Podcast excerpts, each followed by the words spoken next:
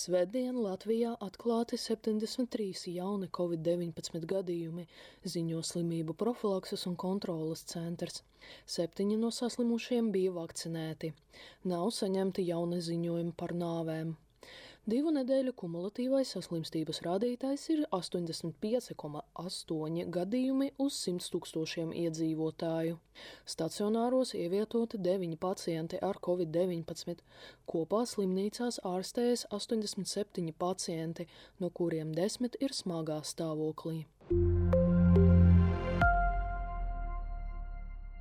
Sociālajos tīklos izplatās viltota pavadzīme, kurā it kā ir norādīts, kā aviokompānija Air Baltica ir nopirkusi no veselības ministrijas Covid-19 vakcīnas.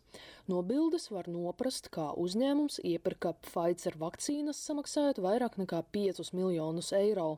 Bildi pie sevis nopublicēja aktīviste Jāņa Pļāviņa uzturētā Facebook lapa Mainām pasauli. Air Baltica paziņoja, ka apsver iespēju vērsties policijā.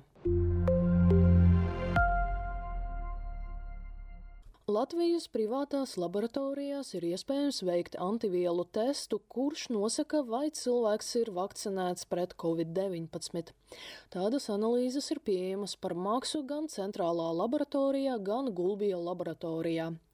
Reforma pārstāve Līga Ribinska teica, ka vien 0,1% pasaules iedzīvotāju pēc vakcinācijas vai pārslimošanas neizstrādājas antivielas. Testu var veikt divas nedēļas pēc inficēšanas ar covid-19 vai vakcinācijas.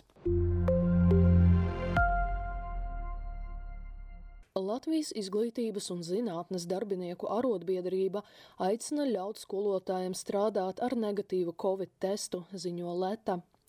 Arotbiedrība iesniedza attiecīgu priekšlikumu saimā.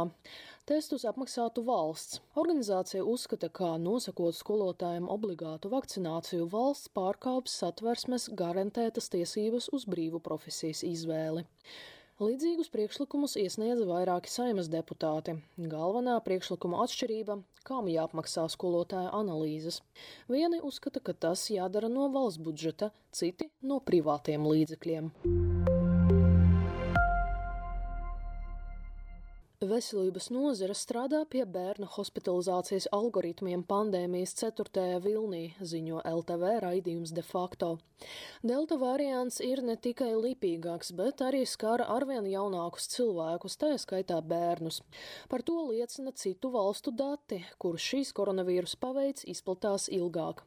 Tāpēc Latvijas slimnīcas plāno nodrošināt bērnu gultas arī reģionos, bet bērnu slimnīca gatavojas pacientu pieaugumam.